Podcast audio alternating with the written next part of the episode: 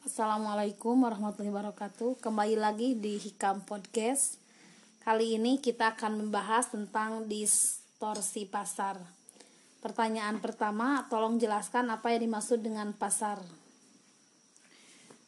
Eh, Jadi pasar dalam pengertian ilmu ekonomi adalah pertemuan antara permintaan dan penawaran. Kita sebut sebagai pertemuan antara supply dan demand. Dalam pengertian ini, pasar bersifat interaktif, bukan fisik. Adapun mekanisme pasar adalah proses penentuan tingkat harga berdasarkan kekuatan permintaan dan penawaran. Pertemu, pertemuan antara permintaan, demand, dan penawaran atau supply dinamakan equilibrium price atau harga keseimbangan. Pasar merupakan tulang punggung perekonomian masyarakat, baik masyarakat yang berada di kalangan kelas bawah ataupun masyarakat yang berada di kelas atas. Semua unsur yang berkaitan dengan hal ekonomi berada di pasar, mulai dari unsur produksi, distribusi, ataupun unsur konsumsi. Aktivitas yang dilakukan di pasar pada dasarnya akan melibatkan produsen dan konsumen. Masing-masing dari dari mereka mempunyai peran yang sangat penting terhadap pembentukan harga dalam pasar. Pertanyaan selanjutnya, jelaskan bagaimana distorsi pasar dalam Islam. Untuk distorsi pasar e, menentukan harga, cara berproduksi tidak boleh ada gangguan yang me- yang mengakibatkan rusaknya keseimbangan pasar tersebut. Namun, dalam kenyataannya sulit ditemukan pasar yang berjalan sendiri secara adil atau fair. Kondisi demikianlah kita sebut sebagai distorsi pasar. Dalam kenyataannya, distorsi pasar tetap sering terjadi sehingga dapat merugikan para pihak yang terlibat sebagai pelaku pasar. Dalam sistem ekonomi itu harus menyesuaikan dengan apa yang terkandung dalam sistem ekonomi Islam. Karena secara umum dapat dikatakan bahwa dalam sistem ekonomi Islam terdapat nilai-nilai yang masuk dalam keilmuan berdasarkan norma dan kaidah yang berasal dari Al-Quran dan hadis. Dalam konsep ekonomi Islam, interaksi antara sisi penawaran dan permintaan, supply demand, haruslah terjadi rela sama rela dalam melakukan transaksi. Keadaan rela sama rela tersebut merupakan kebaikan dari keadaan ania atau zoom yang mana dalam keadaan tersebut salah satu pihak berbahagia di atas penderitaan orang lain. Distorsi pasar ini sering dilakukan oleh para pelaku pasar untuk mencari keuntungan cepat atau di atas wajar dengan merugikan pihak lain. Distorsi ini menciptakan ketidakadilan dan ketidakseimbangan di pasar, menguntungkan bagi salah satu pihak tetapi merugikan bagi pihak yang lain. Beberapa tindakan yang bersifat kezaliman di pasar dapat menyebabkan kondisi terjadinya distorsi baik dari sisi penawaran maupun permintaan. Kondisi ini mengakibatkan harga berada dalam kondisi ketidakseimbangan, di mana pertemuan supply dan demand terjadi karena ada faktor-faktor kejahatan, bukan disebabkan oleh faktor yang bersifat alamiah, yang tidak dapat dihindari, seperti eh, cuaca, bencana alam, dan lain-lain. Pertanyaan selanjutnya, sebutkan dan jelaskan bentuk-bentuk distorsi pasar yang sering terjadi di masyarakat. Nah, yang pertama ini eh, ada eh, rekayasa permintaan atau demand dan rekayasa penawaran atau supply. Yang pertama ini ada ihtikar. Ihtikar itu eh, yaitu melakukan penimbunan barang dengan tujuan spekulasi sehingga ia mendapatkan keuntungan besar di atas keuntungan normal atau dia menjual hanya sedikit barang untuk mendapatkan harga yang lebih tinggi sehingga mendapatkan keuntungan di atas keuntungan normal. Ihtikar sering kali diterjemahkan sebagai monopoli dan atau penimbunan. Padahal sebenarnya ihtikar tidak identik dengan monopoli atau penimbunan.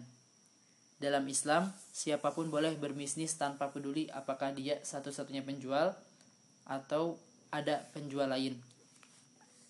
Menyimpan stok barang untuk keperluan persediaan pun tidak dilarang dalam Islam. Jadi monopoli sah-sah saja. Demikian pula menyimpan persediaan. Yang dilarang adalah ihtikar, yaitu mengambil keuntungan di atas keuntungan normal dengan cara menjual lebih sedikit barang untuk harga yang lebih tinggi atau istilah ekonomi monopoli rent seeking. Jadi dalam Islam monopoli boleh, sedangkan monopoli rent seeking tidak boleh.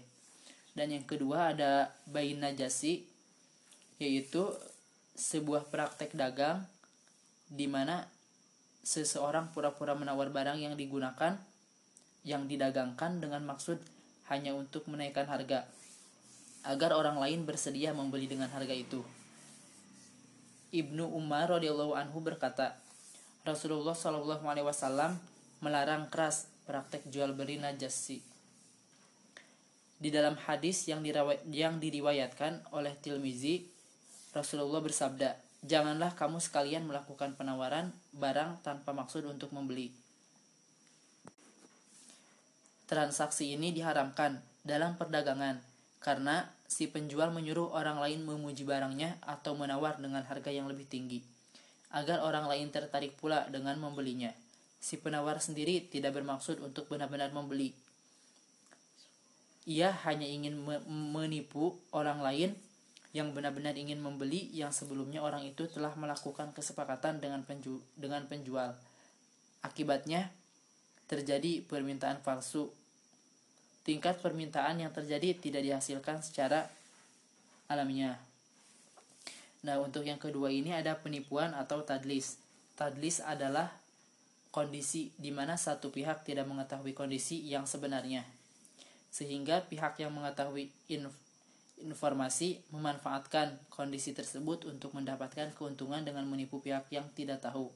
Kondisi ini disebabkan karena adanya incomplete information Tadlis bisa terjadi dari segi kualitas, kuantitas, harga, dan waktu penyerahan.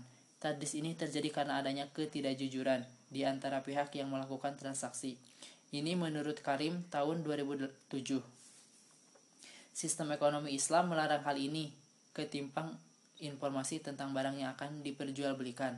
Karena dengan adanya informasi yang tidak sama yang tidak samantara kedua belah pihak maka unsur tadaminkum atau kerelaan bersama dilanggar.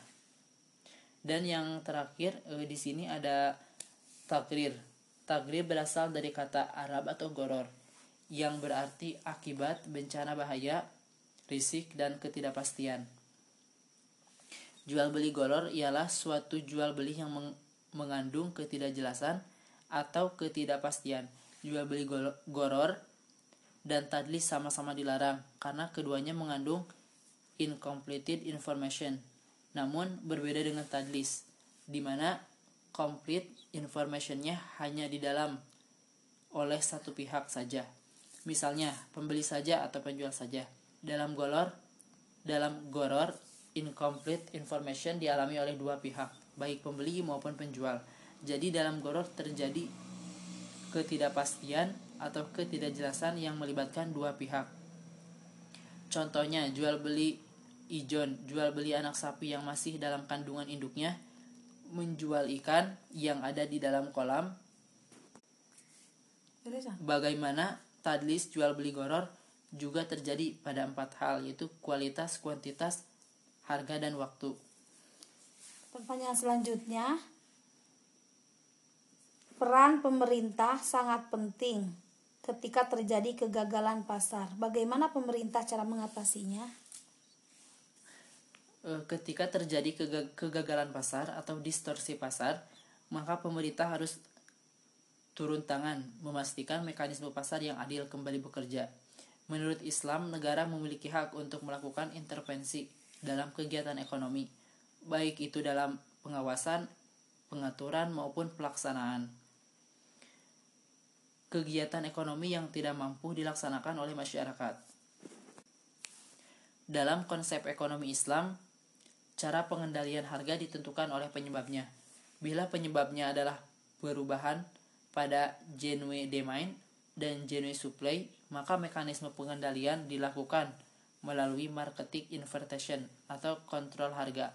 Sedangkan bila penyebabnya adalah distorsi genuine demand dan genuine supply, maka mekanisme pengendalian dilakukan melalui penghilang penghilangan distorsi termasuk penentu price inversion untuk mengembalikan harga pada keadaan sebelum distorsi. Selanjutnya, bagaimana solusi Islam terhadap ketidaksempurnaan bekerjanya pasar? E, solusi Islam terhadap ketidaksempurnaannya pasar yang pertama ini larangan ihtikar, yang kedua membuka akses informasi, maksudnya ada talaki rukban membeli barang sebelum masuk pasar dan yang kedua ada ada baik najasi menipu konsumen dengan menyuruh orang lain untuk menawar atau membeli barang dengan harga yang tinggi atau konsumen lain tertarik membeli barang tersebut. Dan yang ketiga ada goban fahishi produsen memanfaatkan ketidaktahuan konsumen untuk mencari keuntungan. Dan yang terakhir ada bayi al hadir lil badi kolusi para pedagang untuk membuat harga di atas harga normal. Di sini yang ketiga ada regulasi harga dan yang terakhir ada intervensi harga